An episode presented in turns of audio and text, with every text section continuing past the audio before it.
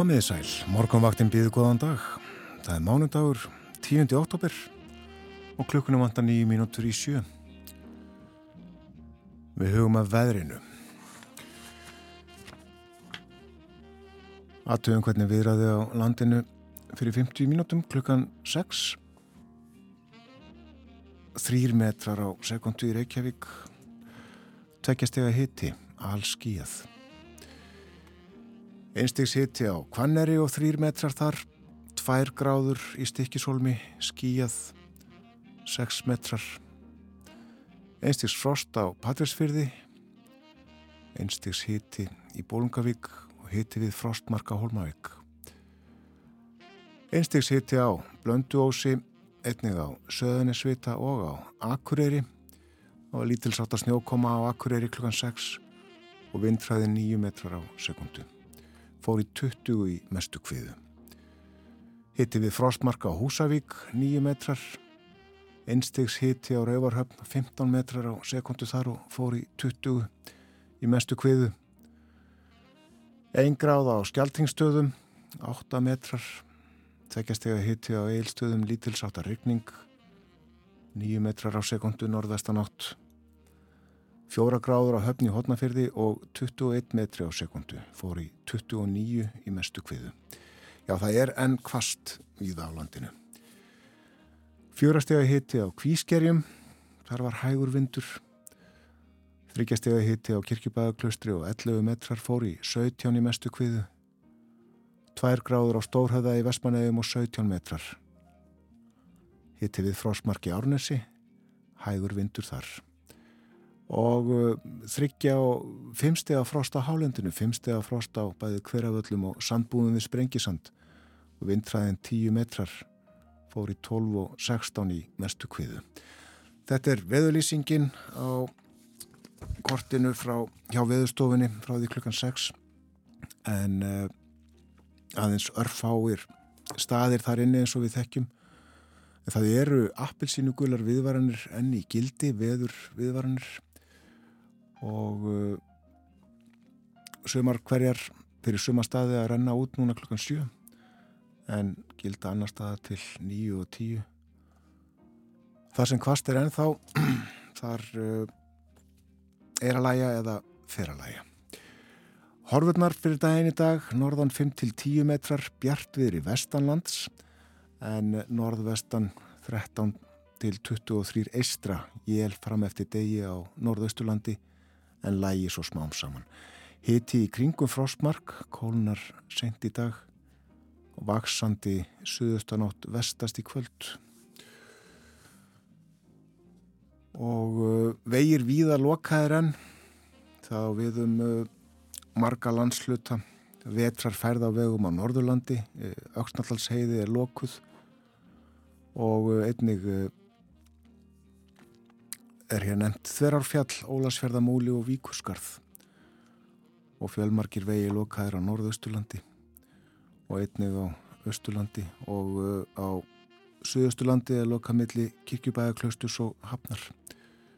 Svona svo dæmi séu tekinn það verið farið betur yfir þetta í frettunum hér á eftir og, og uh, sömulegðis á morgunvaktinni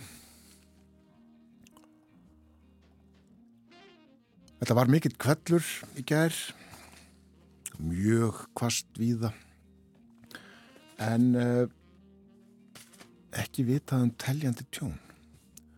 Við hefum ekki fengið upplýsingar um slíkt sem betur fer, auðvitað. En uh, já, meira um veðrið á eftir við skulum setja eitt laga á fóninu. Tungliðið fullt og hér er Ella Fitzgerald.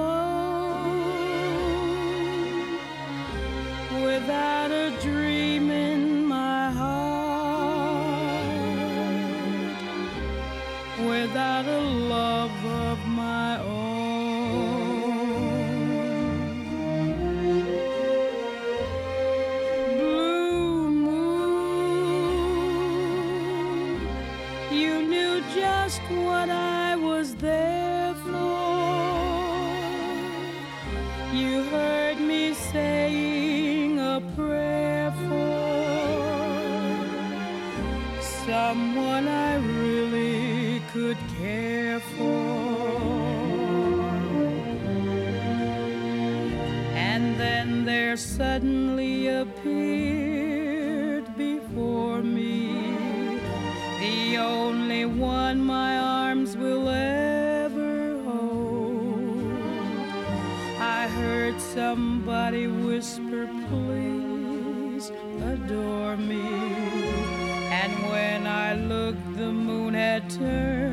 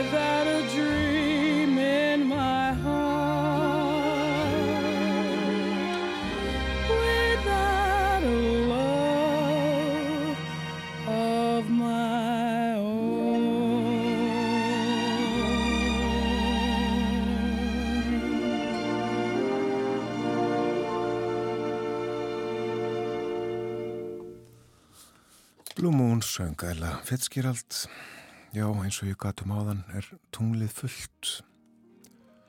En framöndan eru fréttir hjá okkur koma á slæðinu sjö. Að þeim loknum tekur morgunvaktin flýð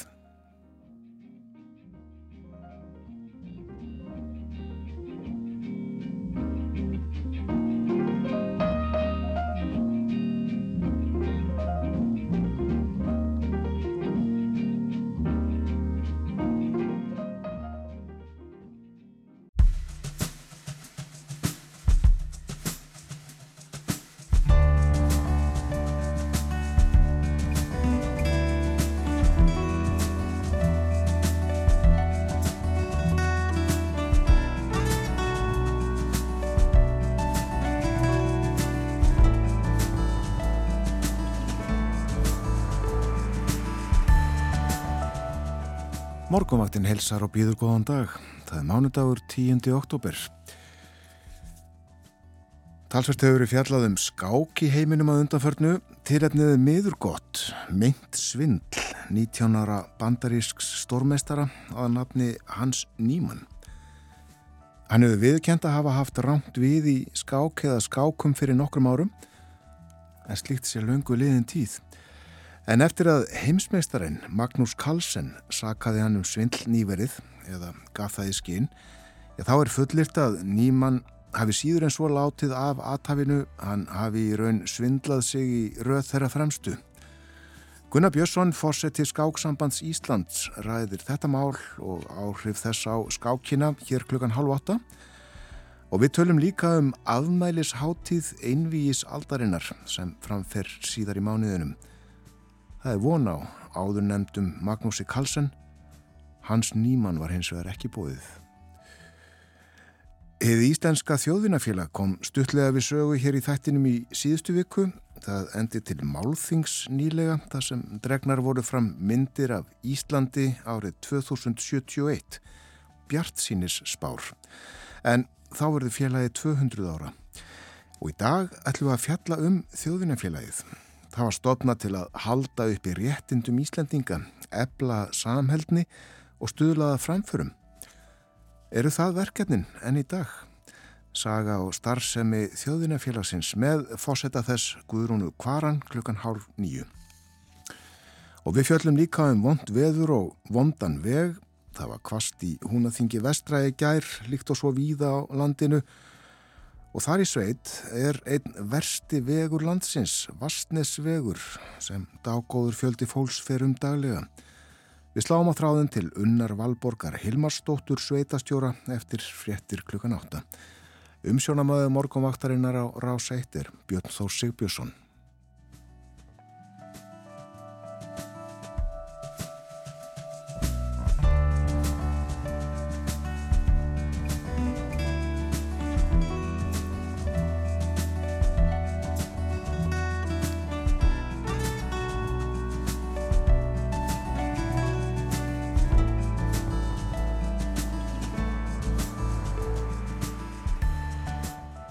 Við hugum að veðurhorfum dagsins förum yfir hugleðingar veðurfræðings.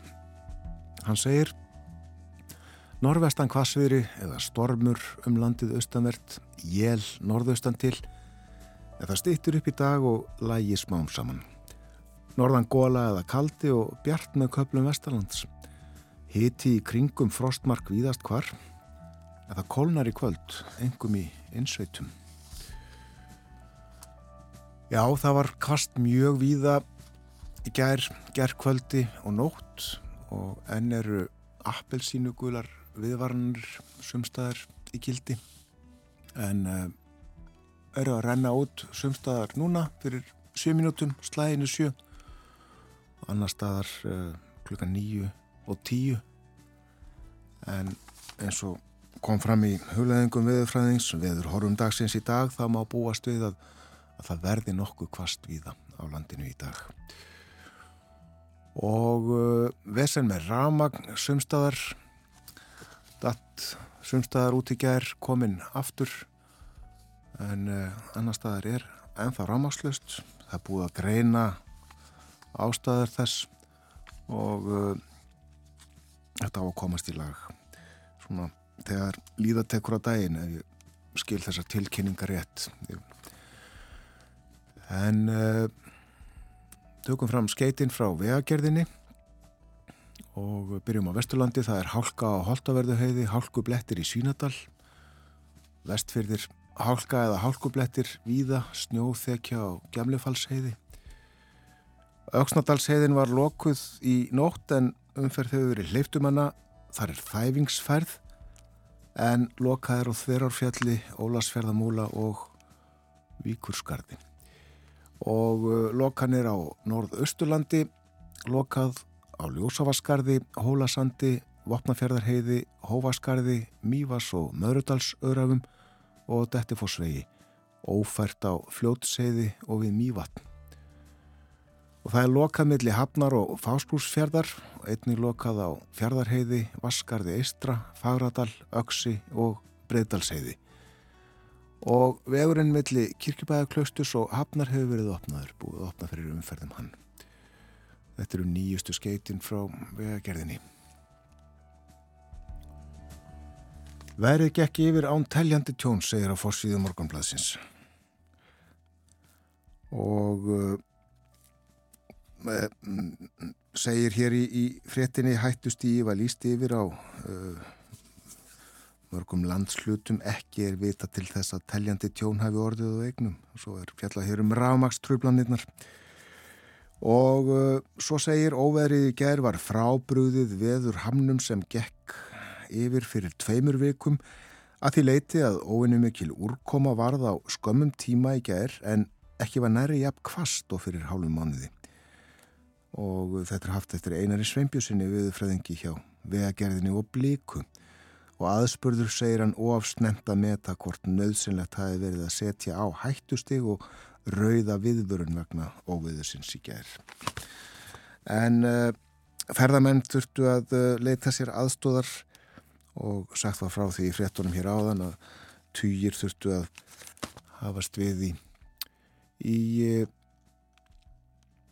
svona móttöku stöð sem að settar upp á kirkjubæðaklustri 40 erlendi ferðamenn leituðu þar aðstóðar það var Rauðikrossin sem að opnaði þar hjálpar miðstöð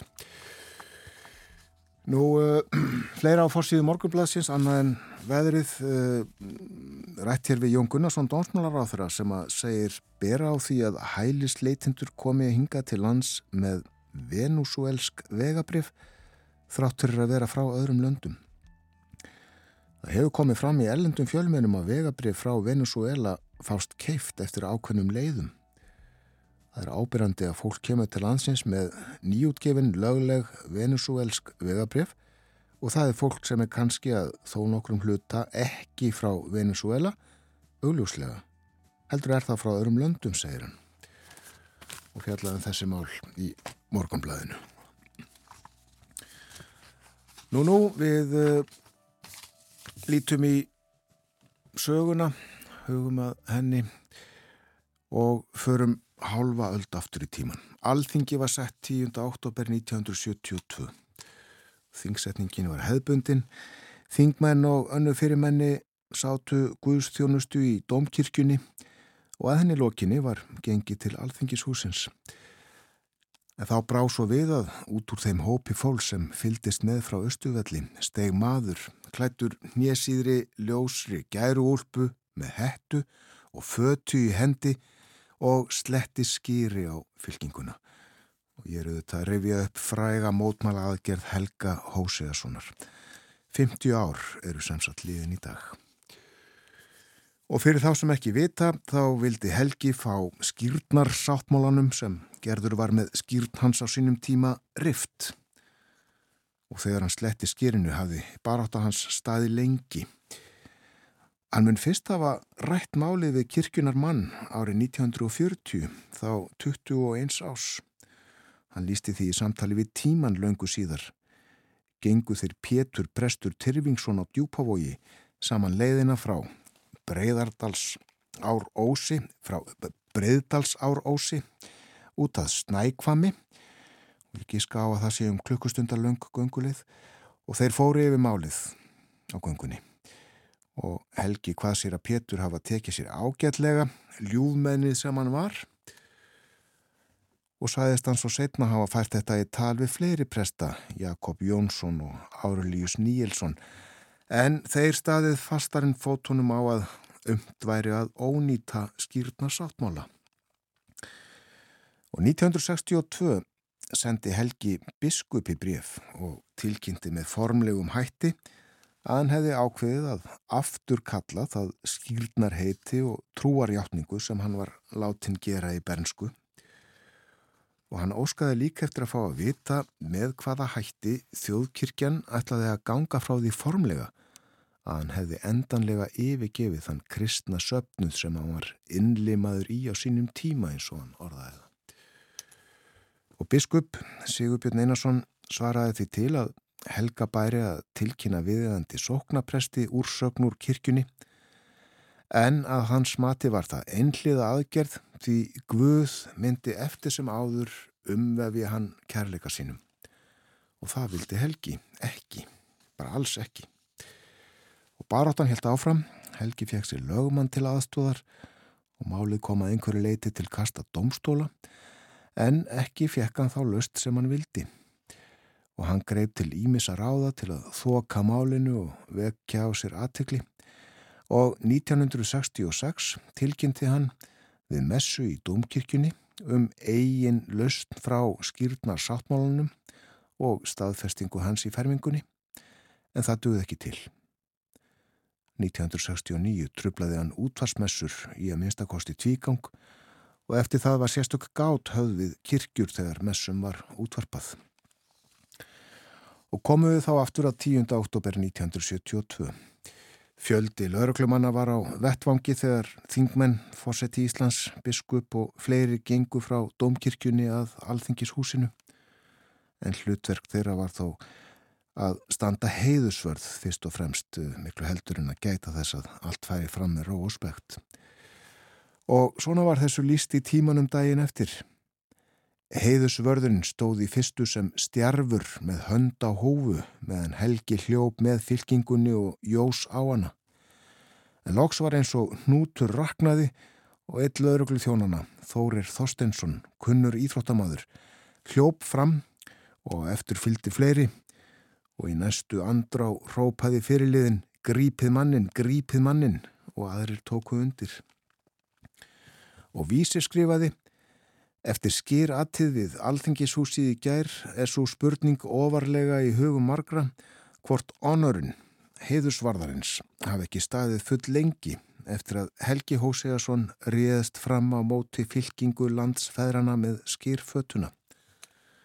Og þá var borðið undir Bjarka Eliasson yfir lögurglu þjón og hann sagði Þetta kom okkar mönnum mjög á óvart, ekki síður en öðrum. Vitanlega hefði þetta verið æskilegt að geta gripið inn í áður en maðurinn fór að sletta skýrinu, en þetta gerðist á örskamri stund. Hann kom hlaupandi með fötuna og þetta hefur varðla tekið meira en þrjár til fjórar sekundur. Og setna var nú fundið út að sekundunar voru nú nokkuð fleiri. En Helgi var yfirbugaður, lagana verðir stukku á hann, aftan frá, kerðu á grúfi í götuna og hann var handjárnaður, færðurinn á Hotel Borg, svo á lörglustöðuna við hverfisgötu og loks í hegningarhúsi við skólaverðustík. Og Helgi var úrskurðaður í gæsluvarðalt og gert að sæta geðrannsókn. Hann var fluttur á geðsjúkrahúsi Klepp og var haldið þar í nokkra daga. Í mótmælaskinni fór Helgi í hungurverkvall og neytti kvorki matarni drikjar en svonum var sleft lausum fjórum dögum síðar.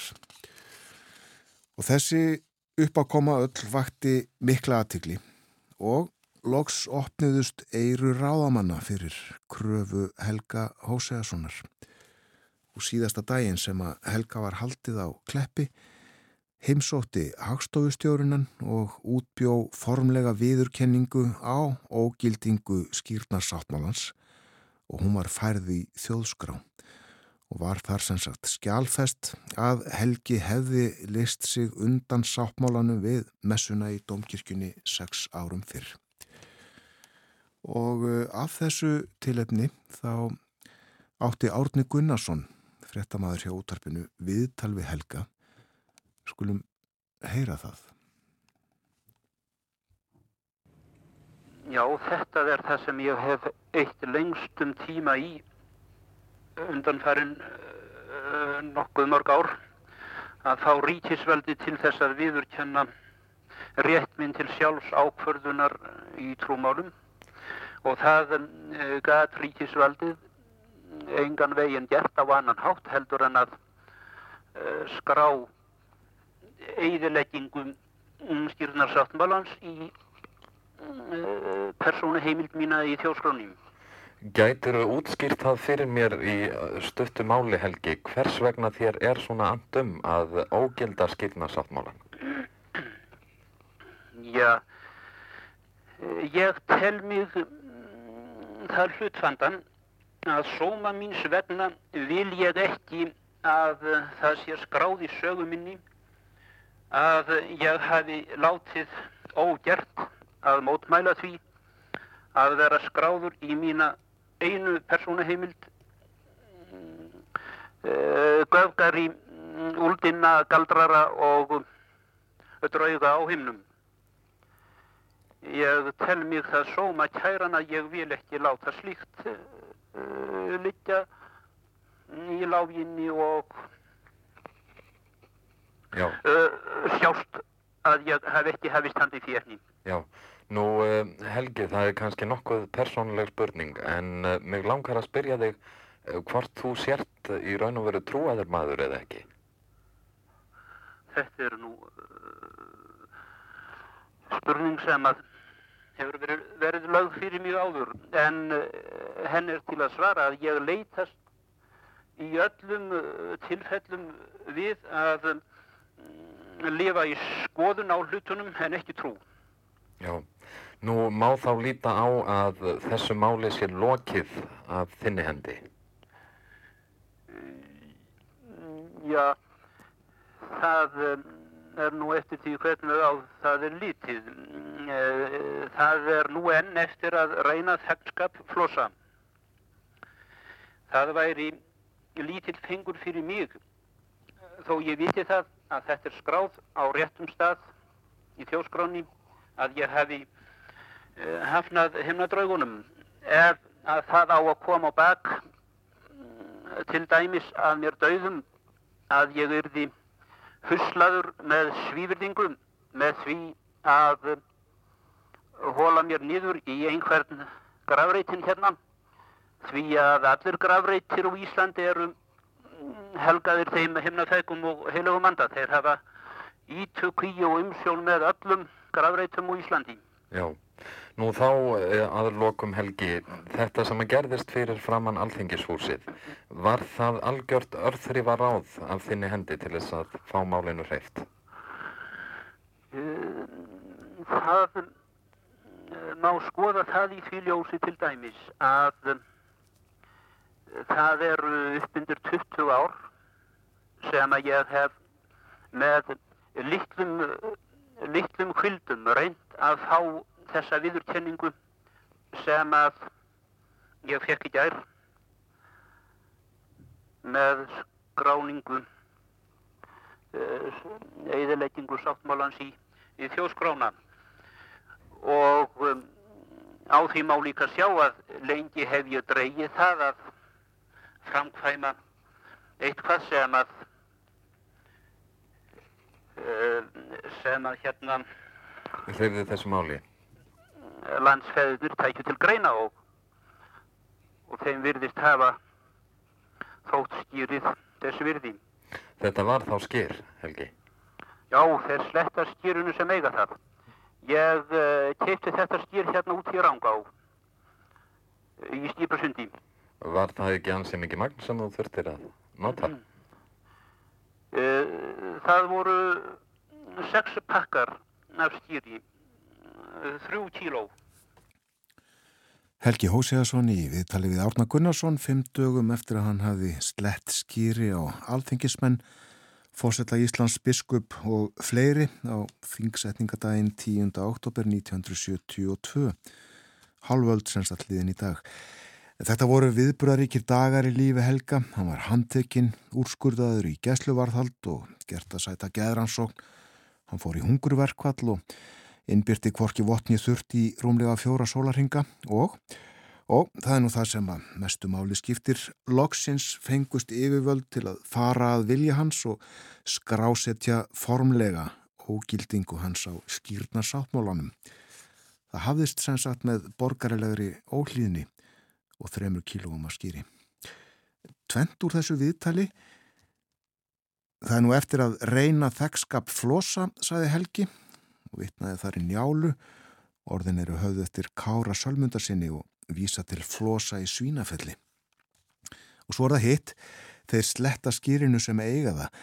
Þessi frasi er þekktur og oft notaður og sést ofta á prenti í frásögnum af uppákomin í 10. oktober 1972. Í svari á Vísendavef Háskólansum þetta orðasamband segir að Elsta dæmið í rítmálasafni orðabókar háskólans sé frá átjöndu öld en uppbrunin er sagður óviss. Guðrún Kvaran skrifaði svarið líkt og mörg önnur um Íslenskt mál. Tilviljun ræður því hins vegar að hún verður einmitt gestur morgunvaktarinn að setna í dag. Hún er fósetti hins Íslenska þjóðvinafélags og allar að segja okkur frá því klukkan hálf nýju. En örfá orði viðbótum Helga Hósegason, hann losnaði af kleppi á lögardagskvöldi og hafði þá verið í hungurverkvalli. Mánudaginn eftir var hann hins vegar mættu til vinnu sinnar, hann var smiður og var að vinna að húsbyggingum í fellunum í Reykjavík í breyðholtinu, já. Og tíminn tók á hann um hús og spurði hvort hann hefði ekki orðið illt af fyrstum áltíðinni. Nei, nei, svaraði Helgi, ég gætti þess vel að láta ekki ofan í mig annað en það sem heppilegast var, engum eitthvað fljótandi fyrst í stað, en nú finn ég ekkert fyrir þessu. Finnst þér ekki þrekið hafa slaknað, var hann spurður. Nei, ekki finn ég neitt til þess. Ég hef nú líka miklar varabyrðir hérna, ég er um það byl 20 kílóum of þungur. Um geðránsóknina sem að honum var gert að undirgangast er það að segja niðurstaða geðlagnis var að Helgi væri ekki geðveikur en hann væri sérstakur.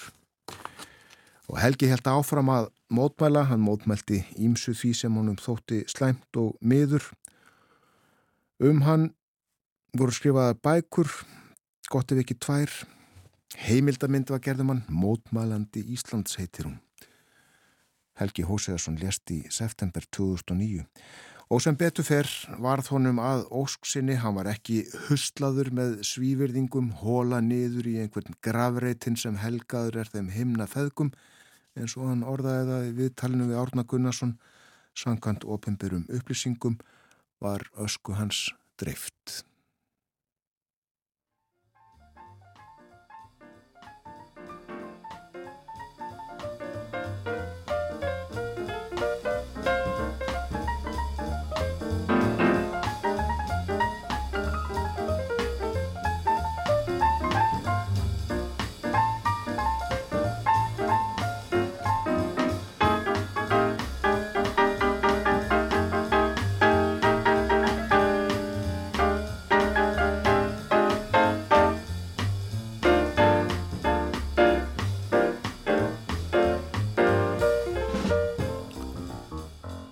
Það líður að fréttaðefilitið hjá okkur á morgunvaktinni. Páum fyrst auglýsingar.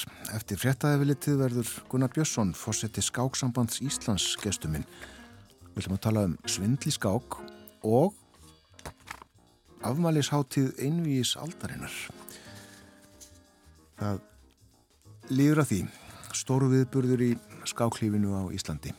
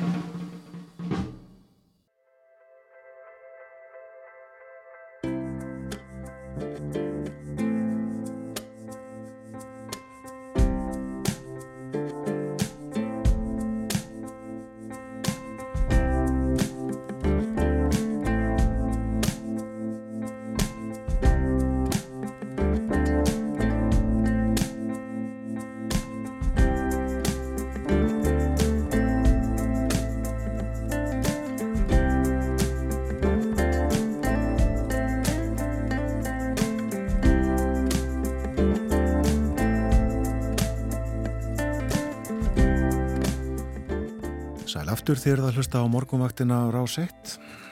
Það er mánudagur í dag, nývinnu vika hafinn, komin 10. oktober og klukkar núna réttliðilega hálf 8. Förum meður veðurhorfur dagsins.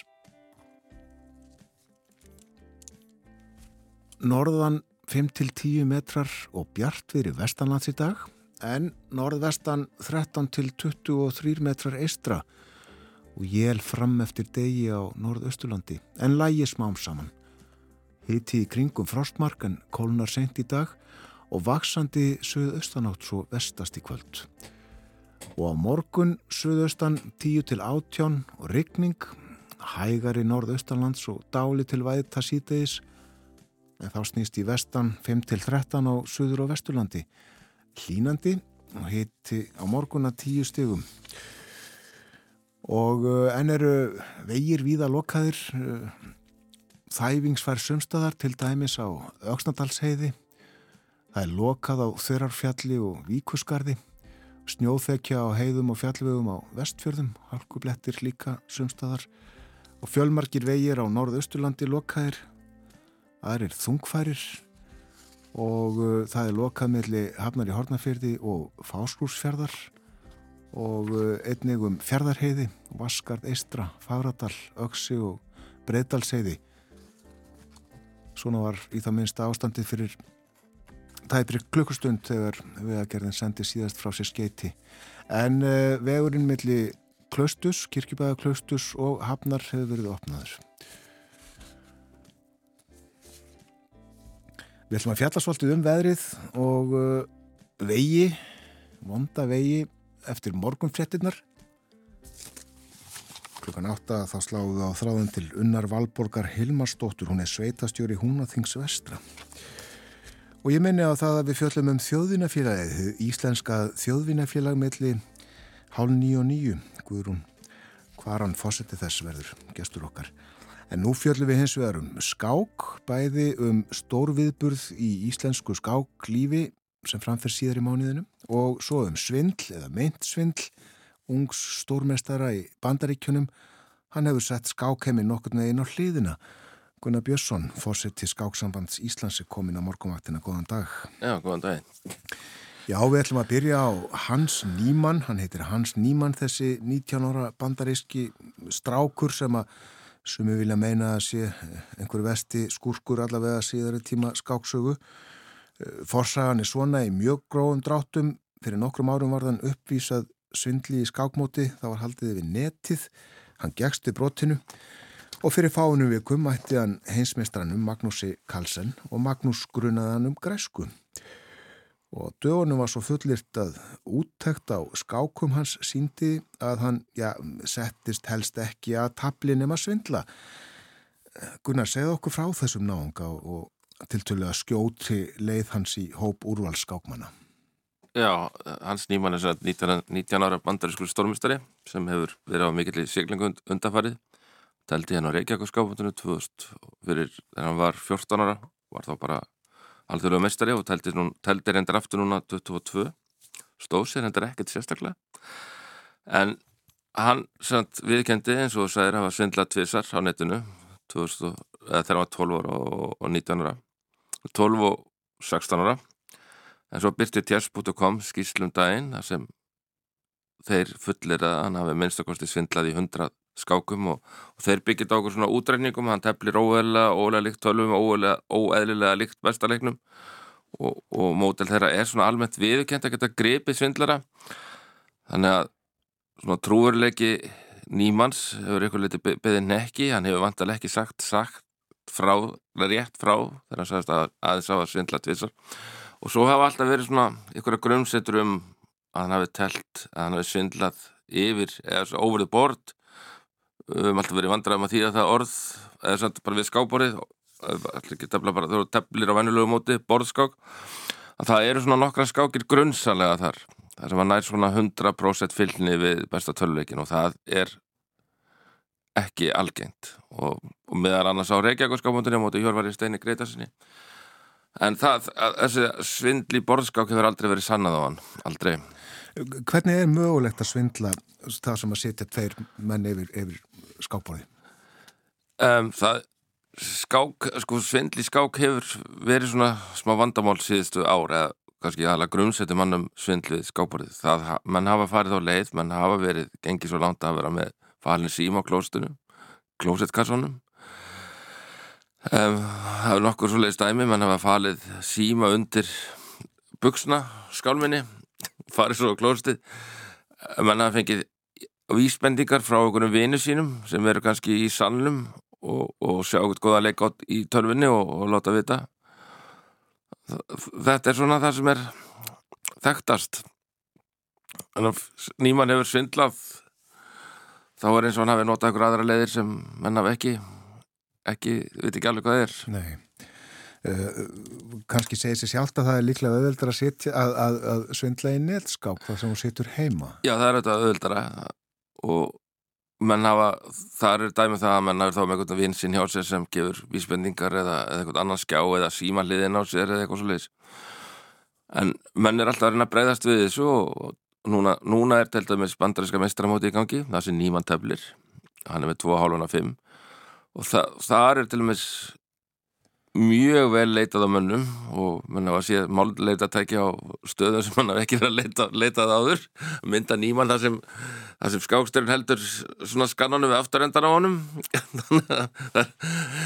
Og, og líka það sem mann hafa farið að senka útsettingum þannig að leikindi kom ekki á neti fyrir hálf tíma eða korter eftir að skákin er í gangi. Til að koma vekk fyrir að mann geti gefið gefið hint. Já grunnsendur um uh, svindl vakna vegna þess að, að uh, skákmaðurinn hann leikur óeðlega góðum leik. Já, hann hefur sendt það eru fylgni í honum við þessa 100% leik, eða sko, að menn á svona 100% skák að menn tefli 100% eins og tölvanum væli með yfirleitt eru þannig skákin mjög sjálfgjafar hjá okkur bestu skápunum að því menn, við erum bara mannlegir og tölvunar eru ekki mannlegar og finna ofta ykkur að fárálega leiki sem bara mannselin nefnir ekki. En hann á miklu meiri fylgni við þessa 100% skákir heldur en bestu skápin heims. Þannig að það eru svona þannig að það eru vísbendingar til þess að hann hafi stundu svindla við borðið. Já. en ósannað. Já, en er, er hægt að sanna þetta? Nei, sannlega ekki sko og þessi fræga skákumóti Karlsson að mann er ekkert alls ekkert vissum hann hafi svindlað í henni en Karlsson teldi hann illa og kannski vegna þess að hann grunaði mannin um svindl og kannski náði ekki einbita sér. Það getur líka verið partur af þessu. En það er líka flækir málið að, að hann er frábær skápmaður. Og ef hann frábær skápmaður fær hjálp á kritisku mögnablikum þá getur alltaf frábær skápmaður orðið bara eitt svo allra best í heiminum. Þannig að það er erfitt. Mm. Hafa margir áður uh, svona í, í svipum styrkleikra flokki verið grunaður um svindl? Mér þetta að sé vestadæmið eða svona sterkasti skápmæri sem er orðið svona grunaður um þetta. Allra sterkasti skápin heimsað ekki að hafa aldrei leiðandi grun fyrir að svindla. Aldrei. Þannig að það hefur verið að skrifa hér nýjan kapla í skáksöguna. Já. Hvaða áhrif heldur þetta að hafi á skákina? Ég held, þetta náttúrulega hefur svolítið, sko ég veit ekki alveg framkoma Karlsson að hætta hana í mótunu og, og, og tefla svo ekki á netunu, kannski eitthvað sem maður mælir ekki með, en ég held kannski til lengdar litið, þá verður þetta ekki harðar á svindli og, og skákin svona muni njóta þess að menn verði, svindli verði líka bara vonandi, ég sé ekki, allir ekki segja útrýmt, það verður kannski aldrei útrýmt, ekki frekar en livjum í íþrótum, en það ef þú svindlar í skák og verður refsikið þannig að þú átt, áttir ekki uppresna von það er það sem kannski sá móral sem er að myndast. Já. og ekkert slíkt hefur, hefur uh, komið upp Gagvart Nýman núna. Hann er eins og segir er að, er að tefla stórmótið út í heiminn núna. Já, hann með 2,5 og, og ég held að grunan enginn um svindl en það er ekki hægt. Það er svo mikil örgiskesla þá erum við frálega að sjá hvernig hann gengur og hann gengur brákillega en það er svo ég segi þetta er virkilega góður skópmaður. Svona það sem ég held að hann eigi nú að gera og hann á bara að koma heiðalega fram og segja nákvæmlega hvað hann gerði og, og, og vonast til eftir fyrirgefningu. Og að því hann er 19 ára og, og þótt hann, þótt hann og kannski á hann skilið að að lenda ekki því að bara geta ekki telt meira. Þannig að ja, fyrir hann held ég þessi líki lættir að koma algjörlega reynd fram menn grunan, grunan það hafi ekki komið alveg reynd fram. Nei. Getur hann uh, viðkjönd svindli 100 skákum og fengið að halda áfram? Sko svindla á netun hefur ekki alveg verið litið sömu augum alvarlega eins og í borðskák. Þannig að það eru, það eru, að, það eru dæmi það að mann hafa fengið svona annan séns á netjónunum og eins og netjónanir eins og test.com þeir vita að fölta stormistrar sem hafa svindlað. Og það sem menna kannski bent á er svolítið ósangjart að þannig er einn einn af þeim tekinn svolítið út úr. En það eru til ykkur fleiri stormistrar sem hafa syndla á netmótum en hann, alltaf þá, e, ef testbótu komið byrja á þessu, alltaf er að nefna alltaf hérna líka. Já, já. Þeir er að gera það, já. Mm, Já, ég veit það ekki, Nei. þeir er í á því. Nei, En ég, sko, skilabóðin eru svo ekki svindla ekki svindla, bara alls ekki svindla í skák, þá getur bara fyrirlega verið algjörlega búin það er skilabóðin Gunnar, sá ég ekki gæra að, að uh, fórsett til norska skáksambandsins hefði sagt af sér vegna svindl? Jú, hann þurfti að segja af sér. Um, það, það var þannig að hann telt á heit, heit, heitir eða hétt Protest League sem fór um eitt fram á test.com og hann telti með norsku félagi þar hann, hann er alþjóðlu mestari og 2016-17 þá stóð hann svo óeðlega vel. Og svo í kringum alltaf þessa svindlumræðu komið ljós að, að það var ykkur í norsku skáksamfélagi sem litu vita því að hann hafi fengið hjálp í, að mistu kosti einni skák á netinu. Og hjálpi fólst í því að það var ykkur annar inn í herbyggjunu sem gaf hann um merki. Hvort ykkur annar var, það er ekki komið fram nákvæmlega hvernig hvort það voru gefið merki eða sagt leikirnir eða skoða tölvu en hann fekk hjálp og, og í Nóri út fórseti skáksamansins og þetta uppfyrst að svindli meðan það sem allt verður undan á gengi þá átti ekki breyk og hann þurfti að segja sér. Hefur þú telt við hann? Nei, við kannast alltaf við hann hann ný, nýtt ekki við og var formaður ung, ungmennasambatsins upplögun á ekki en það er svona, þetta er bara skýr skilabóð, ekki svindlaði skák. Það getur algjörlega komið í, í bakið aður Ég tekundi það hér Ef að tala um svona gleðilegri mál þá að, að uh, halda upp að hálfar aldar afmæli einvís aldarinnar Það eru þetta 50 ár síðan að þið teldu ég fyrstir og sparki. Jú. Við höfum reyðið það upp nokkur sinnum á morgunvaktinni. Helgi Ólafsson kom hinga til dæmis í tvígang og uh, sæði sögur. En uh, það var fagnaði þessu með uh, skákmóti og, og uh, það, svona, ó, ó, það sem að teldir óheðbundin skák er það ekki. Jú. Segð okkur frá þessu sem stendur til.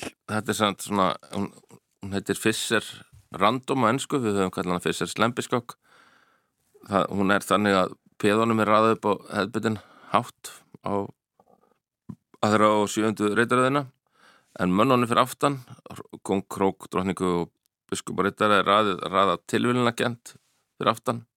Ekki alveg tilvílina kent af því hrókarnir þurfa að vera sikur með kongin og biskupurinn þurfa að vera miðslitir kvítrita og svartrita þannig að og staðinir ræða upp ensi og kvítum á svörstum þarna eru samt upp uh, mögulega 960 uppárstöður sem þýðir það að, að þetta er miklu flóknara fyrir vennilega skápma vegna þess að eins og Magnús Karlsson og fleiri þeir, þetta byggir mikið á undibúningi hann að geta menn ekki undibúsi eða mjög erfitt.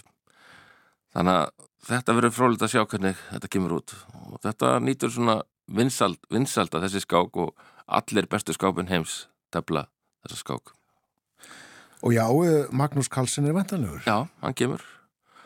Og það er ánægilega þetta er eini tít, hann er ekki hann er orðið heimsmeistar í kaffskák eða vennuleg skák, hann er orðið heimsmeistar í, í at og hraðskák hann er eini heimsmeistaratitlin sem hann hefur ekki hann, hann kemur hérna með markmið í huga Já. hann ætla sér að vinna þetta hann tapaði nefnilega síðast fyrir Vestley Só í henni Og hann er sem sagt heimsmeistar í slempiskák, fyrsta slempiskák. Já, kemur hengað. Þessi só. Já, kom hengað áttasterk í skáman. Já. Um, þessi Kalsen og Nebo, eða neða Vesli Só, já. Svo kemur Nebo, Nebo Njatsi sem er, er að fara að tafla heimsmeistar heimi. Telti daba fyrir Kalsen síðast, þriði stigast í skámarins. Svo kemur Nakamura sem er mjög kunnur bandarísku stórmestari hann er strímar og er svo stæðsti í skákheimum á þeim markaði, markið sem þekkja hann og svo er, er hann að Notbirak Abdusatarov, ég vonandi segja þetta rétt frá Úsbekistan hann er 17 ára strákur sem var hensmestari í atskák gríðalegt efni og einmitt leti lið Úsbekistan á síðast olífíuskápandi og svo er þýsku stórmestari sem heitir Mattias Blúmbam og rúsnesku stórmestari sem heitir Vladimir Fedosov og svo er okkar maður Hjörvarsteinn Gretarsson Já. Hvernig var valið í þetta? Sko við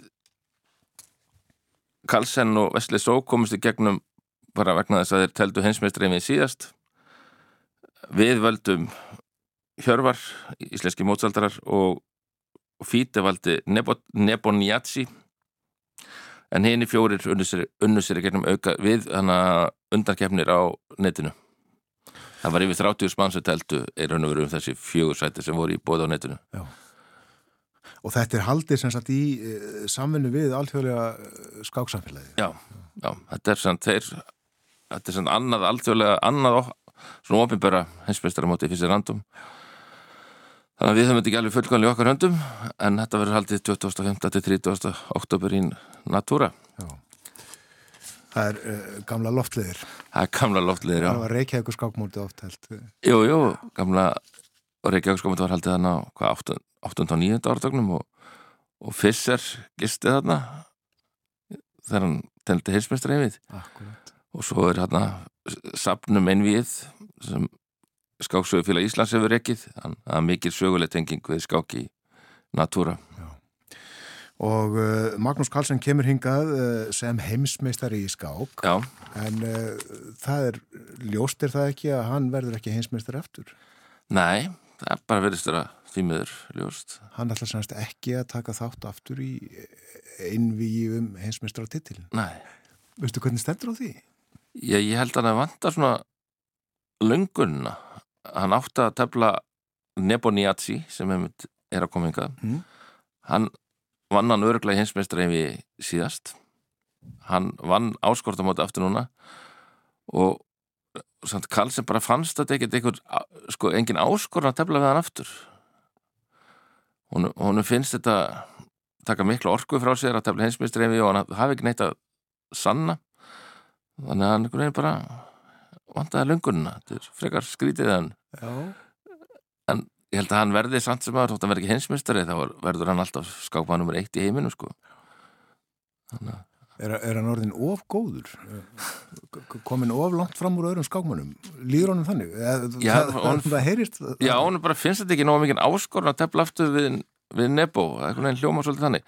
Hann sagði það fyrirfram ef fyrir Jósa sem er ungur íranskur, eða hann er reynda franskur í dag, skápað fættur Íran hefði unnið, þá hefði hann viljað tefla. En hún, hann er svona ungur að vera mikil uppleið, en bara Nebo finnst hann bara ekkit nóga mikil áskorun fyrir sig. Þannig að þetta er svona sérstætt. Já, er líklegt að þeir tveir uh, mætist í, á afmælisháttíðinni? Já, það, það verður raðað í tvo jafna reyðla, þetta er raun og verið eins og þetta er bara svipakerfi eins og í, við þekkjum um handbóltanum og fótbóltanum að, að raða í tvo áþekka reyðla, það verður dreigið milli sent Karlsen og held ég Vestley, svo þeir lenda ekki í sama reyðli þannig að það er 50% líkur að þeir endi þar og svo náttúrulega líklegt að þeir komið spáður upp úr og þá geta þeir mest í undan úrslitum eða, eða úrslitum. Já. en svo náttúrulega eins og með Nakamura til alls líklugur hann, hann, hann, hann vinnur eiginlega öll mót sem hann teflir á netinu. Rosalega góður og hraður skápmaður. Við hefum vakið aðtikli fyrir því í, hann vann næstuð í áskortamóti síðast. En hann teldi sér þetta skákinnar á daginn fór svo á kvöldin og fór á strím og segja frá skákunum. Já. meðan flestir aðeir undirbúið sig. En hann er, hann er tekjuhæsti skápmaður Nakamura þessi, sem mann skulle fylgjast vel með. Hann er svona tekjuhæsti skápmaður í heimi. Hann er tekjuhæri heldur en heimsveistarinn gerum gríðalega vinsalt strím Og þetta hefst 25. ótóber og uh, fólk getur lagt leið sína á loftleðir og fylgst með það ekki? Jú, við ætlum að bara búa til algjört festival hérna þannig að maður geta komist að skápununum, eða svona, þú veist, innan hóflærar fjallaðar, maður geta farið inn í skáksaluna, fylgst með þeim, við verðum með skákskýringar í, í gamla bíjásalunum, þannig að við ætlum að leggja mikið inn, í- inn í þetta og ætlum að líka hafa hana meðfram verður opið verður Íslamátt Kvenna sem verður meira en Íslamátt Kvenna því það er, við ætlum að bjóða ellendu keppendum svo ætlum við að hafa svona einn úlinga þarna og það verður alls konar hátíðarhöld í Natúra, Natúra verður bara skákhöll þessa dagana. Og bannaða svindla. heldur betur, ég hef reyndar ekki mikla rákir þessum áttaskápunum sem þetta tefla. Nei, heiðarlegi menn. já, og ég vona bara svindl verði ekki hlutaskák í framtíðinum já, verður, það verður alltaf eitthvað en verður minna verður minna en það hefur verið akkurat núna undarfærið Segjum þetta gott að skáki í byli á morgunvaktinni þakkaði kellaða fyrir að koma í dag. já, Gunnar Björnsson, fósetti Skáksambands Íslands. já takk fyrir mig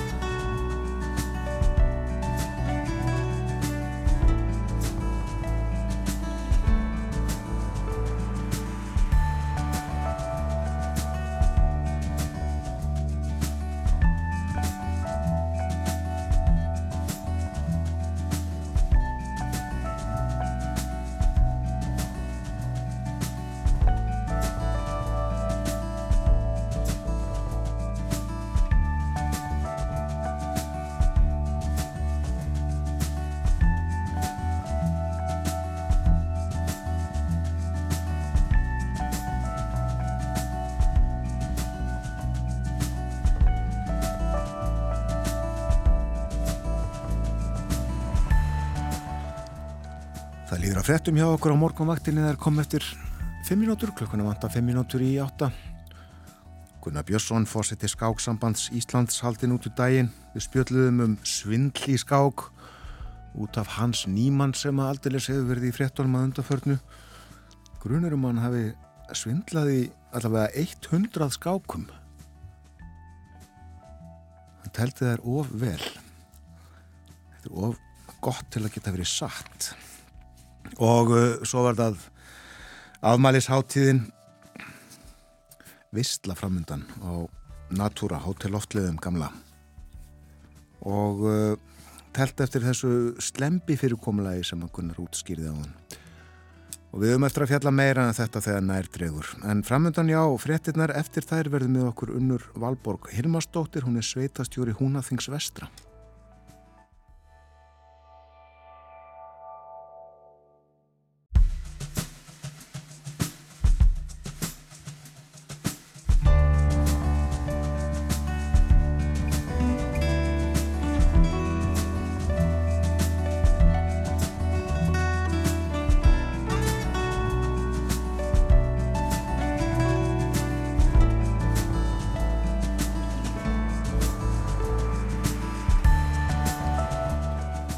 Sæl aftur þegar það hlusta á morgunvaktina á rás 1. Klukkan farin að ganga nýju, það er mánudagur í dag 10. oktober. Gunnar Björnsson, fósetti Skáksambands Íslands, var gestur minn fyrir fréttinnar. Við töluðum um svindli skákinni, hans nýmann, þennan bandaríska 19 ára strák sem að eh, er grunaður um græsku við tablborðið. Ekki svindla, sagði Gunnar fósetti og hann talaði líka og saði frá þessu móti sem að framfer í Reykjavík setna í oktobermánuði afmælisháttíð einvís aldarinnar og vona á nokkrum af fremstu skákmannum heims til hansins Einn íslenskur þáttakandi Hjörvarstedt Gretarsson Já, Gunnar fórseti skáksambandsins gestur áðan og uh, á eftirverður hér annar fórseti Guðrún Kvaran, fórseti hins Íslenska þjóðvinafélags. Næsti viðmælandi er hins vegar ekki fórseti, hún er sveitastjóri, við erum komin í samband við unni Valborgu Hilmarsdóttur, hún er sveitastjóri Húnastings vestra, heil og sæl, góðan dag. Já, góðan daginn. Já, við ætlum nú að spjallaði mýmislegt, engum þó um veður og veg, tiltekin veg, en byrjum á veðrinu í gær. Var bál kvast á kamstanga og annar staðar í svettafélaginu?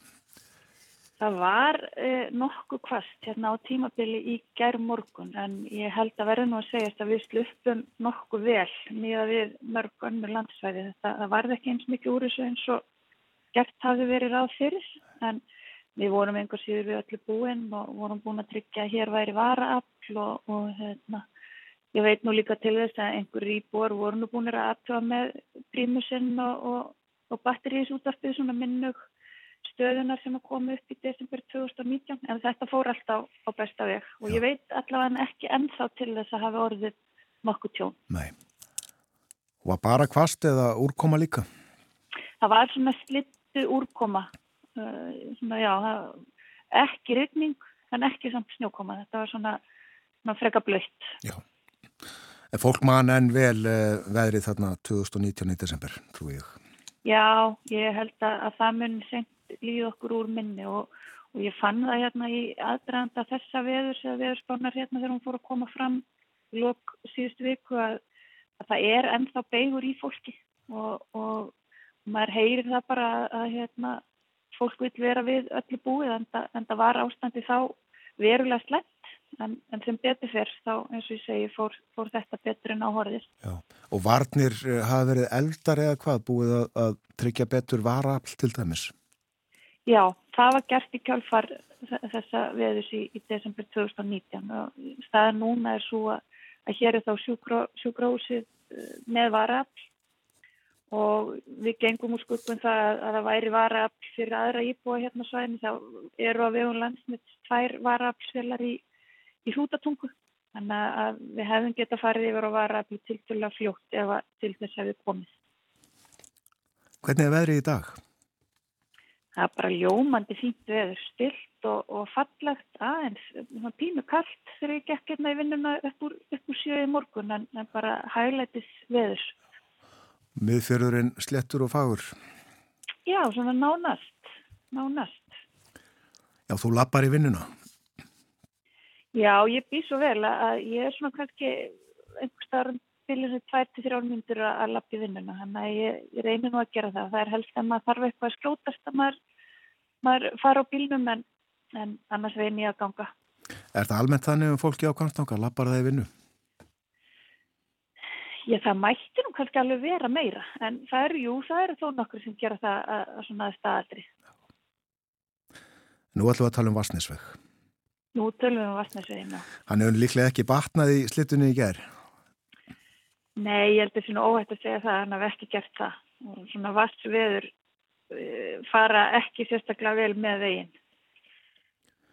Og hann er búin að vera slæmur, já, ferlegur, já, svo lengi sem ég man eiginlega. Hvenna byrjuðu? Manstu ja. það? Þú varst nú, varst nú í sveita stjórninni fyrir nokkrum árum. Manstu hvenar baráttan hóst fyrir úrbótum á þessum vegi? Ég held að þjótt að segja að það sé einhverju áratýr síðan að svo barða hófst og það hafa unnist litlir áfangarsigrar uh, með, já svona kannski 5-7 ára millibili. Það er hérna á kjörtímanbilinu 2010-14 þá voru Malbyggar hérna 5 kilómetrar eða svo, svo uh, til norðus út frá Kvamstanga. Svo eru Það var teknis, tekin smá bútur í, í kringum tjarnarárbrúna fyrir nokkrum árum og svo er á dagskrá núna að, að malbygga eina 7 km í framhaldi af því sem var gert uh, hérna út frá Kamstanga fyrir nokkrum árum. Þannig að þetta eru svona bútar hér og þar. Ég held að þessi óhætt að segja, ég er nú ekki með nákvæmt ártali, ég held að þessi bara þessi búin að standa í áratíi. Já, hvað er vegurinn langur í það heila? Sko Vassnes hringurinn sem slíkur sem við tölum um uh, er 90 km en, en vegurinn sem þetta fyrir nesið er um, um 70. Það er hluti að vegi hringnum er á, á fjóði 1. Þannig að þetta er um 70 km. Já, veistu hvað margir fara um þennan veg á degi hverjum? Ég man nú ekki hérna, umferðartalninguna alveg nákvæmlega en, en, en þegar mest er að þá eru þetta einhverju hundruð bíla og, og þessi vegur er mest ekni eh, tengjuvegur á landinu. Það er náttúrulega fjölmarki bæir við hann.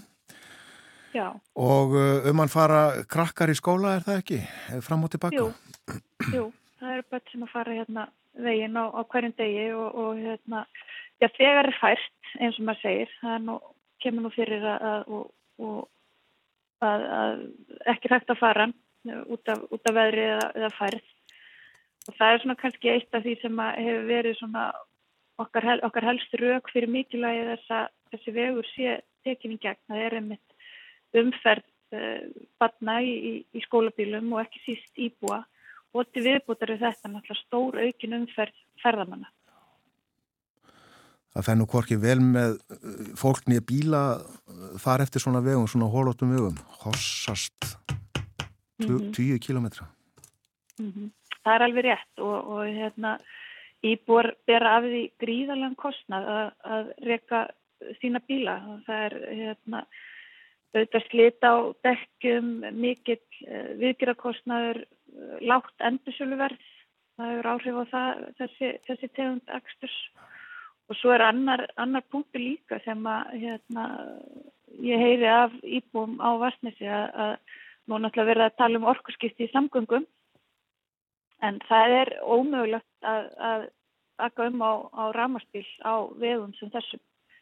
Ég veit um, um íbúa vastnissi sem gerður tilhörn til þess að kaupa sér ramarspíl en, en það er bara ekki hægt því að í svona hossum og, og hamagangi að þá þetta skinnjarar og sambandi og, og þannig að þessi, þessi vegu býður ekki upp á það.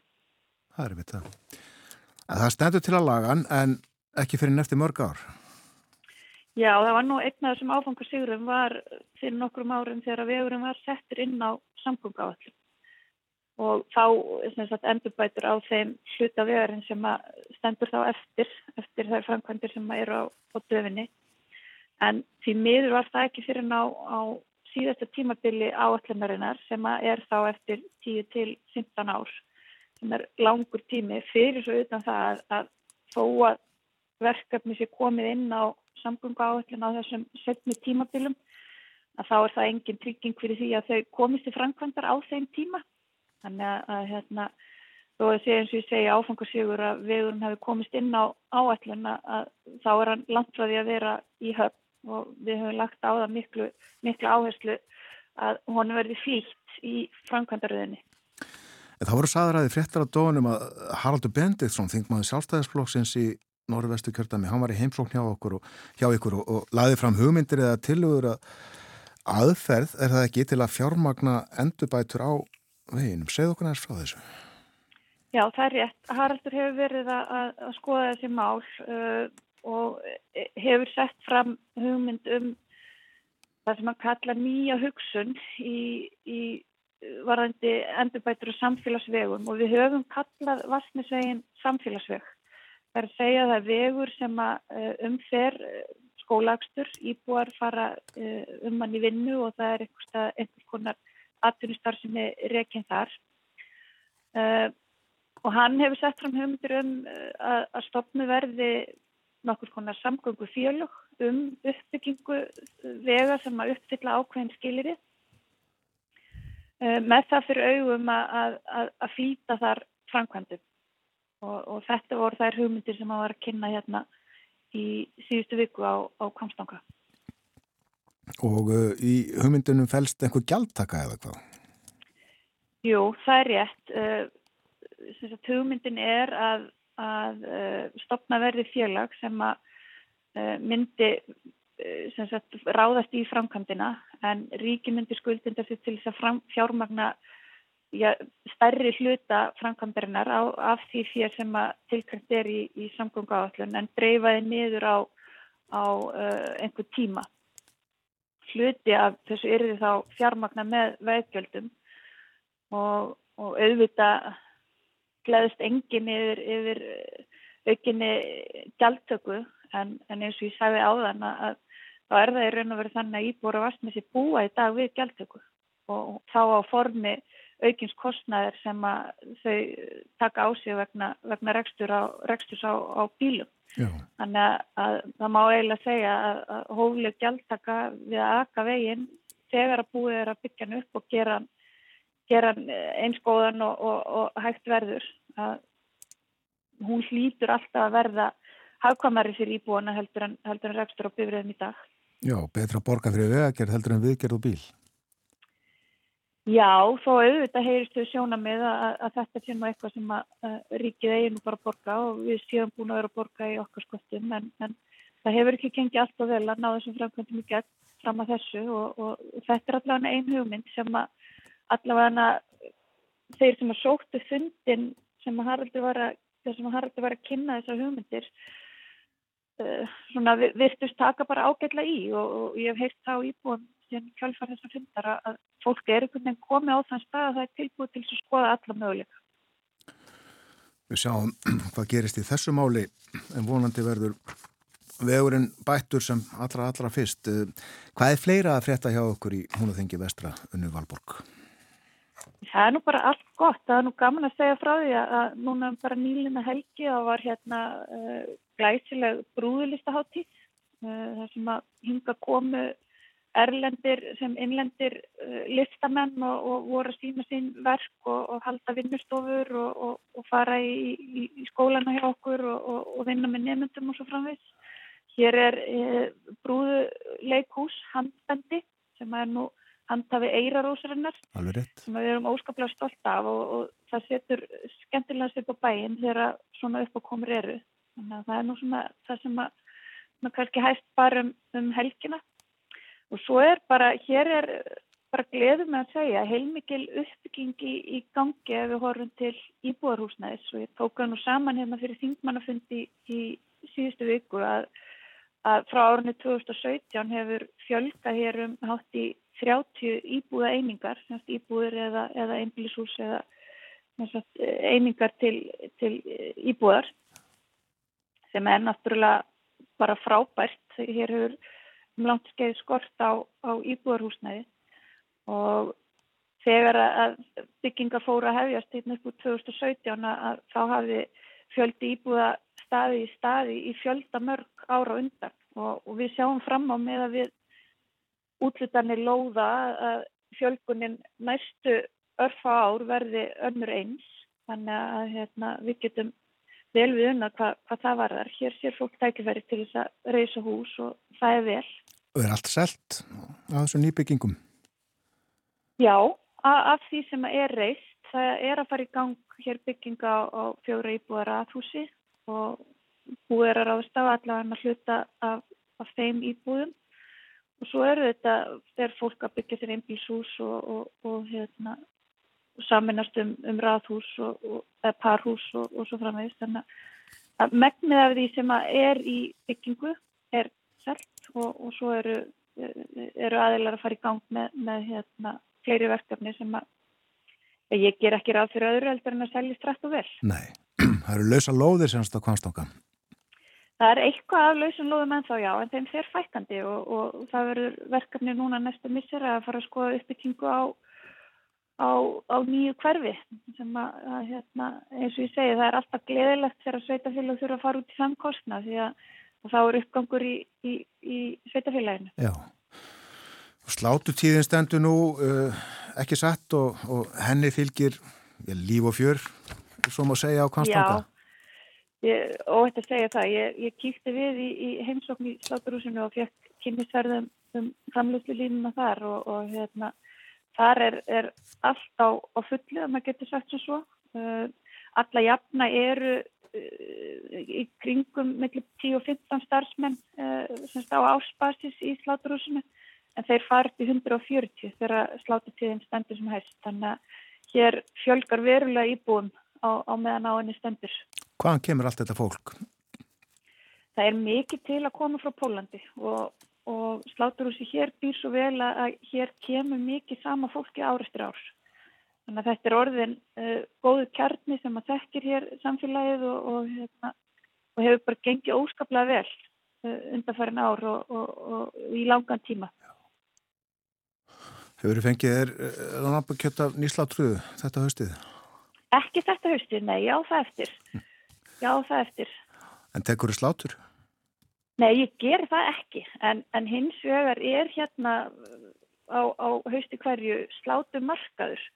Það tekur krabbaminsfélagi hér, hér að þessi til og, og, og fær aðstöð í félagsemilinu og, og vaskur hópur tekur vel að slátri og svo er það selt. Og ég hugsa nú ég fari og hérna kaupi einhverja nokkra ketti til þess að, að setja í pott. Stiðu baki á á því starfi, leið. Já, mikilvæg, því mikilvæg starfi. Já, já, já, Unnu Valborg, hver eru verkefni dagsins hjá þér? Heyrðu, þau eru nú, uh, þau að ég ætla að skjóta sérna bara yfir á blöndós, bara um leið og við ljúkum okkar spjalli, ég ætla að hitta þar síslumann og, og fara yfir svona tækifæri hvernig hægt er að bæta þjónustu síslumann sér á, á Konstanga, hér er ekki skrifstofa síslumanns og, og oft sem að kemur upp að ég búið að lenda í vandræðan vegna þess. Og svo ætla ég að funda með uh, sveitastjórum og, og, og í, í landslutanum og lauruglustjóra varandi almannavarnamál. Þannig að, og eftir háti er svo byggðarásfundur, þannig að það er þétt bóku dagskráð framist í degi. Já.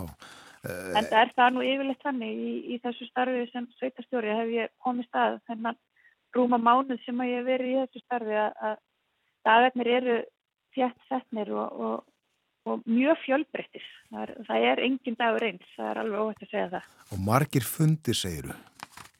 Það eru svolítið margir fundir, já. já. Fólk hefur nú mis, misgaman að því að setja fundi. Þú nýtur þess vonandi? Já, ég gerir það. Þetta eru fundið mjög mismunandi en, en hérna, ég, ég hef gríðarlega gaman að því að, að hérna, ef maður getur sagt sem svo að berjast fyrir framfara málum fyrir mitt sveitafélag og þegar það eru fundir eins og, eins og já fyrir höndum í, í daga að það eru skemmtilegi fundir. Og, og hérna og svona alla jafna eru, eru fundirni bara fínir. Og partur af starfinu sem að ég hef óskaplega gaman af og, og hérna þannig að bara eins og með, með allt annað, svum verkefni er skemmtileg og, svum aðeins minna skemmtileg en svona þegar saman er lagt að, að þá, þá er þetta gríðarlega skemmtilegt og, og, og, krefjandi starf. Já. En ég, ég er mjög gaman af því að, að vinna í þá minns góða samfélags. Gott að heyra gangið vel í þínu störfum og njóttu dagsins. Þakka fyrir, sumuleiðis. Bless, bless. Bless, bless. Sveitastjórin í Húnaþingi vestra, Unnur Valborg Hilmarsdóttir. Við töluðum um veðrið eins og það var í gær. Eh, já, það var ekki jafn vond og eh, óttast var. Ekki jafn vond og spátnar gáðu til kynna, sem betur fer skulum við segja. En hvernig ætli viðri í dag? Jú, það verður norðvestan kvassviðri eða stormur um landið austanvert og jél norðaustan til. Stittir upp í dag og lægi smám saman norðan góla eða kaldi og bjart með köplum vestalands, hiti í kringum frostmark viðaskvar, kólnar í kvöld, engum í einsveitum.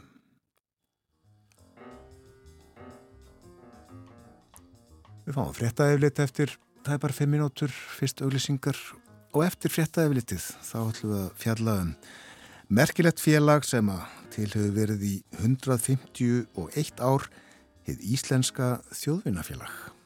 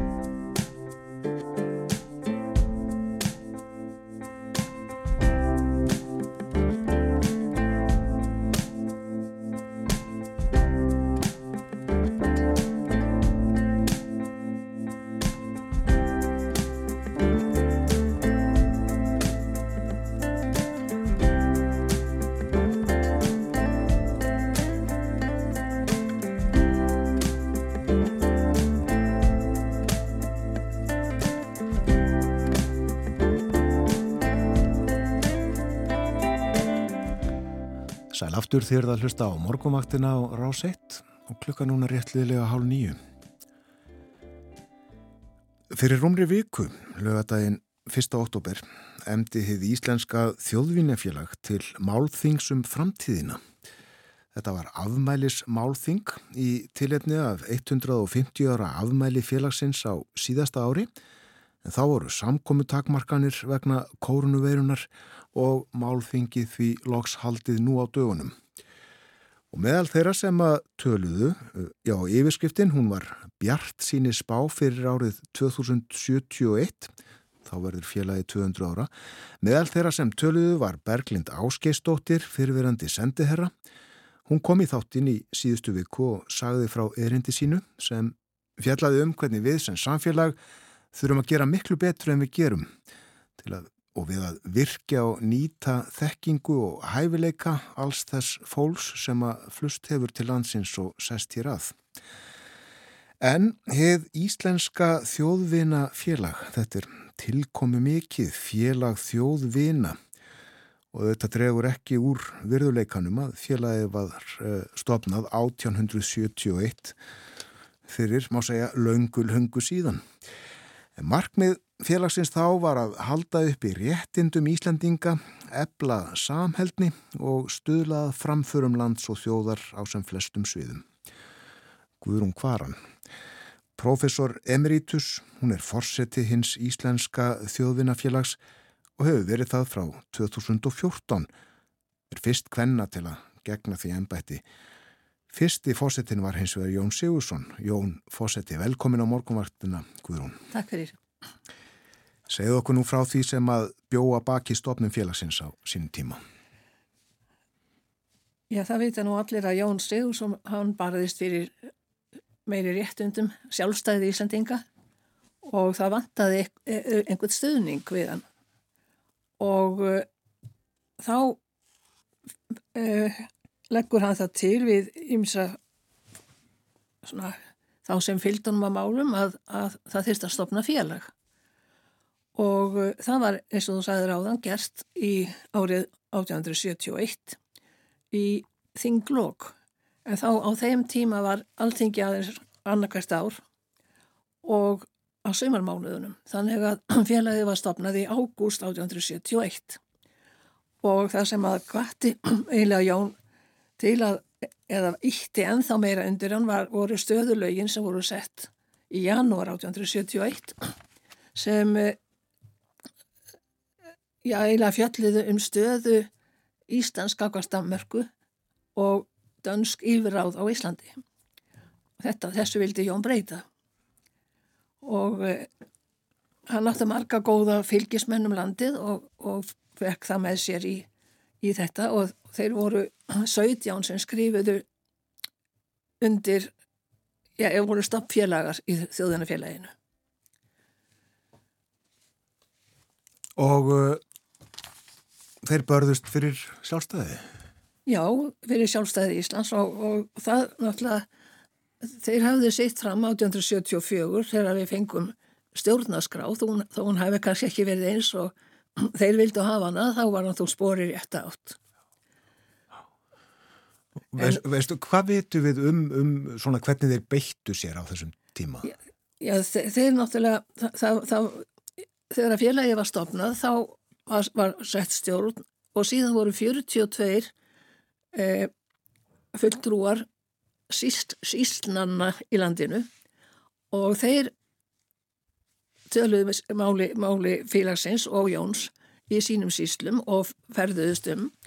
Svo var eh, í Kaupmannahöfn voru stuðningsmenn, ungir stuðningsmenn, það eru námsmenn og, og vestlunamenn og, og eimsinn sem byggu í, í Kaup, Kaupmannahöfn og Danmörku.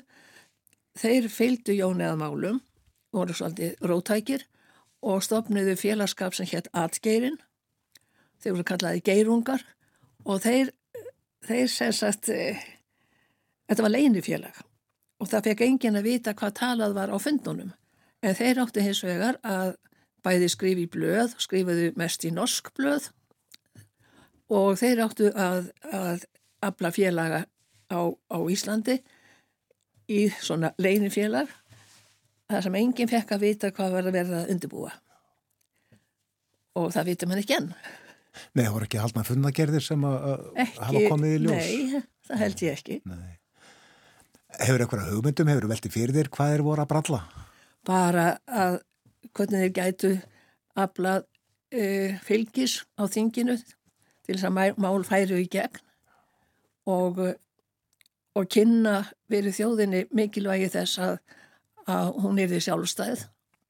Og, og líka að að menn já, hvað ég að segja að um, ekki bara á stjórnmálarsviðinu heldur líka að landsmenn fengju e, einhverja þekkingu svona, á því sem það er að gerast og, og menningarlegum málum.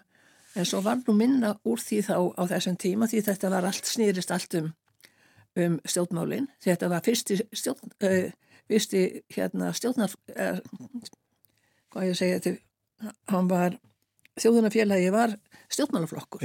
Sá fyrsti á Íslandi. Og þetta snýrist svo náttúrulega fyrstu árin og fram til 1874 um stjórnmál og var minna úr svona menningarlegu efni. En eftir 1874, eftir eh, hérna Íslandinga fengu þessar eh, fengu þetta aukinn réttindi, þá fór að, að þess að fjara undan félaginu sem stjórnmálaflokki og það hefur núna verið já, meira á menningarlega sviðinu. Það, um tíma var það með hinnu e, Já, það hefur alveg frá 1874 hefur það gefið út tímaritið Andvara. Það, hann hefur komið út alveg e, frá þeim tíma og það gaf út og gefur enn út Almanakis Íslenska þjóðunafélags með árbók sem er, og hún, árbókin átti að fræða fólkum það sem að var að gerast í landinu. Hún var alltaf e, um árið og undan og svo hérna dagatalið náttúrulega um e, árið sem bókin kom út, eða eftir kom út og þetta var óskaplega vinsælt því að það var svo lítið um að fólk fengi almenlega fréttir en þar gáttu þau fengið að vísu eftir á í árbókinni. Já. Og þetta kemur enn út? Það kemur enn út. Það byrjaði að koma út 1875 og kemur enn út. Já. Sko, nokkur megin markmaðana náðu stöðu þetta eh, fyrst með stjórnarskrá og svo heimastjórn og, og fullveldi og svo þetta við líðveldistofninina en félagið er enn til. Félagið er enn til, já. Og það sem að ég kynnti þarna á þessu þingi sem þú nefndir á þann að þá eru engir félagar í félaginu núna aðrir en alþingismenn. Þegar félagið var stopnað þá máttu ganga í félagið karlar og konur, ungir og aldnir og vera með vera félagar í félaginu. En það breytist þarna þegar að, þetta var ekki lengur stjórnmálaflokkur. Og já, það má segja að þetta er, það sem félagi gerir er að sjá um þessi tvö rít. En, en svo á annarkvært ára, því þetta er svo, þetta verður eiginlega að vera alveg eins og var í upphafi, annarkvært ár, helst á sömar, eða svona setni part sömars byrjun, byrjun haust þegar alltingi kemur saman, að þá er búið til aðalfundar. Annarkvært árs, og það var aðalfundir í fyrra. Nú, og þá er kjörinn stjórn. Og það, já, eins og ég sagði það er engöngu alþingismenn sem eru félagar í félaginu og engöngu alþingismenn sem mega ganga í salin engir annar nema fórsiti félagsins. Hann verður að koma lesa skýslu tveggja ára og gera grein fyrir reikningum og e, koma með tillögur að nýri stjórn sem er mjög sjaldan. Og já, það er, já.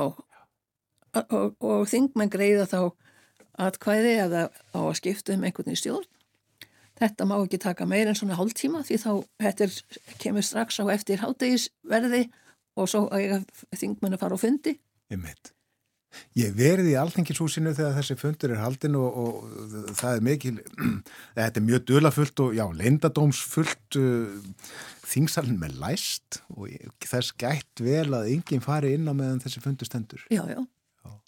Og þarna er sem sagt forseti félagsins og svo bara alþengismenn. Já, og, og e, forseti alþengistýri fundi og hann er þá vennilega búin að velja einhvern alþengismann til að, að skrifa fundagerð. Það er sérstök fundagerða bók fyrir aðalfundina og já, þannig er þetta undir búið og má taka hálf tíma.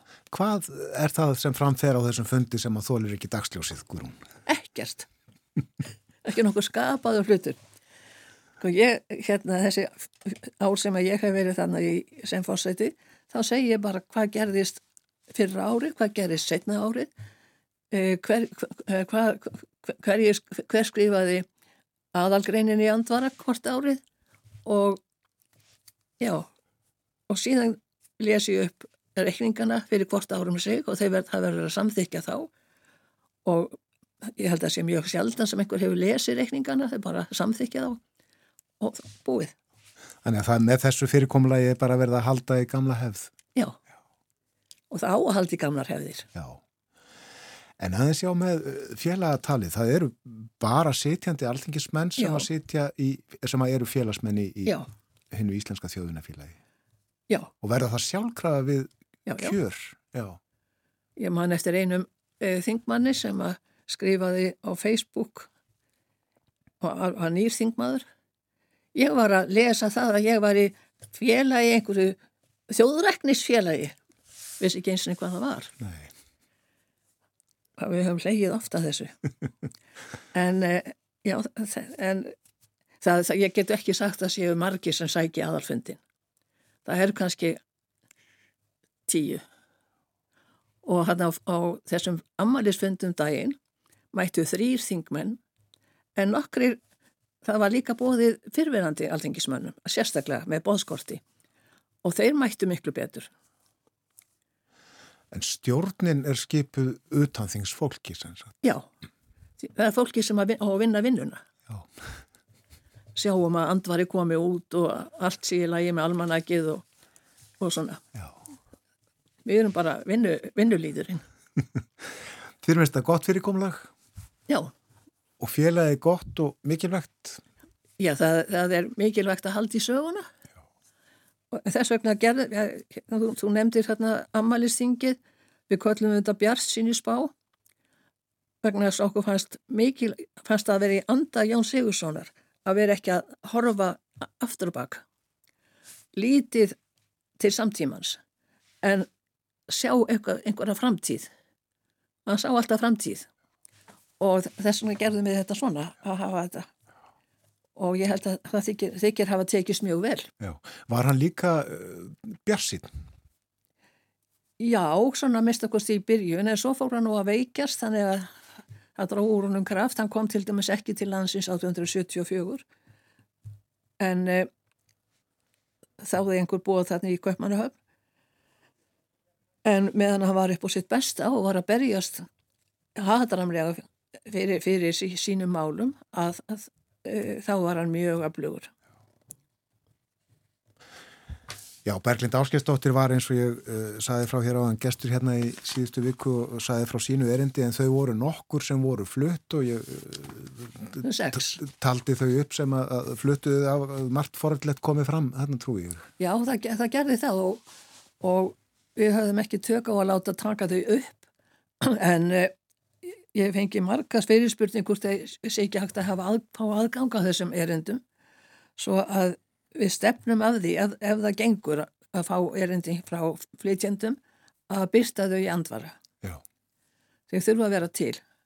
Því að það væri gaman fyrir þá sem eru lífandi 2071, ég verð það ekki, að, að sjá hvað hefur nú komið fram að þessu sem að fólk sá fyrir sér.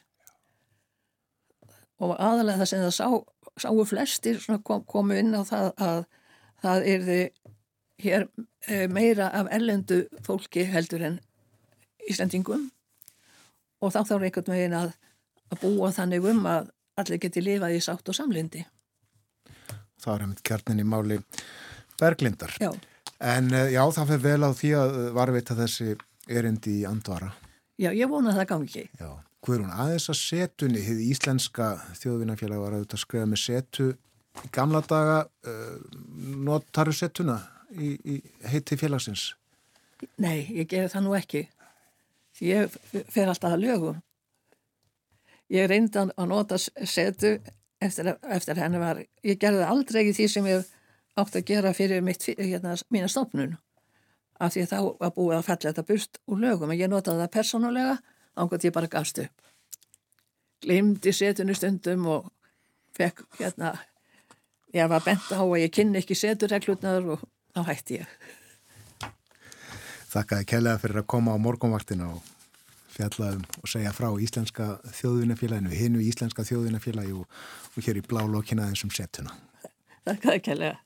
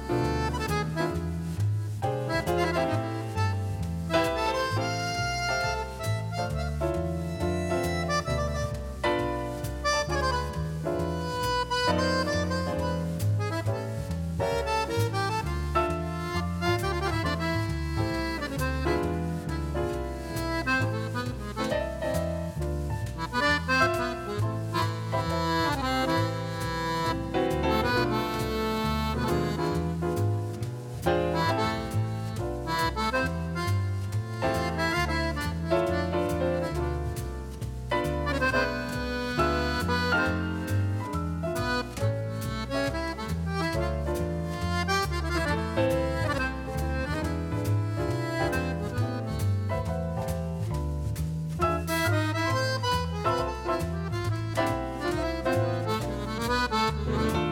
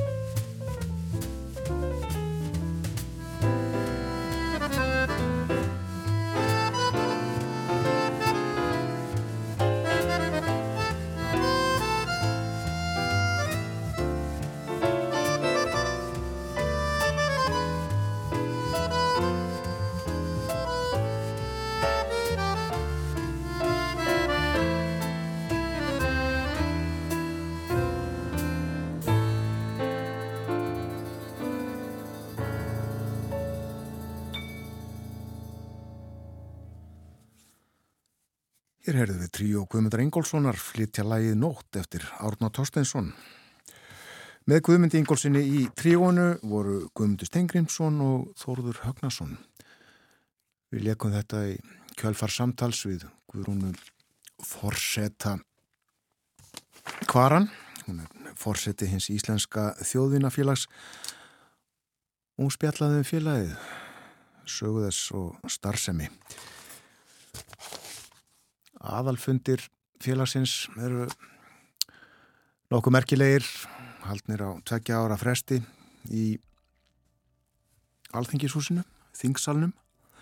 Og það má engin vera viðstatur fundin nema fórsetin og alþingismenn, það eru bara alþingismenn í félaginu og svo fimmanna stjórn utan þingmanna, utan þingsmanna. Og uh, það er ekkert sem þólir ekki dagsins ljós sem framfyrir á þessum fundum lirti Guðrún. Við okkur og við trúum henni auðvita, nei það er bara verið að halda í hefðirnar. Það verður þingfundur á alþingi í dag og uh, fólki gefst auðvita kostur á að fylgjast með honum hvort sem er á þingpöllunum eða í betni útsendingu sjónvarpi. Og uh, þingmenn sem sagt koma til þingfundar á nýj eftir kjördemaviku í síðustu viku Fundur hefst klukkan þrjú, fyrsta mála dagskrá og undirbúin fyrirspurnatími en uh, rétt fyrir fjögur þegar klukkunum vantar stundafjórung í fjögur fer fram sérstök umræða staðan á landamærunum með tilliti til aukins fjölda hælisleitenda og afleitt áhrif. Þetta er yfirskrift þessara sérstöku umræðu sem að Bergþór Ólason fór fram á og dónsmálar á þeirra veru til ansvara. En það er komið að lokum morgumvaktarinnar í dag. Þátturum verður á sínum staði fyrramáli við bjóðum góðan dag þegar klukkunum vantar tíu mínutur í sjö. Þökkum samfélgina í dag. Verðið sæl.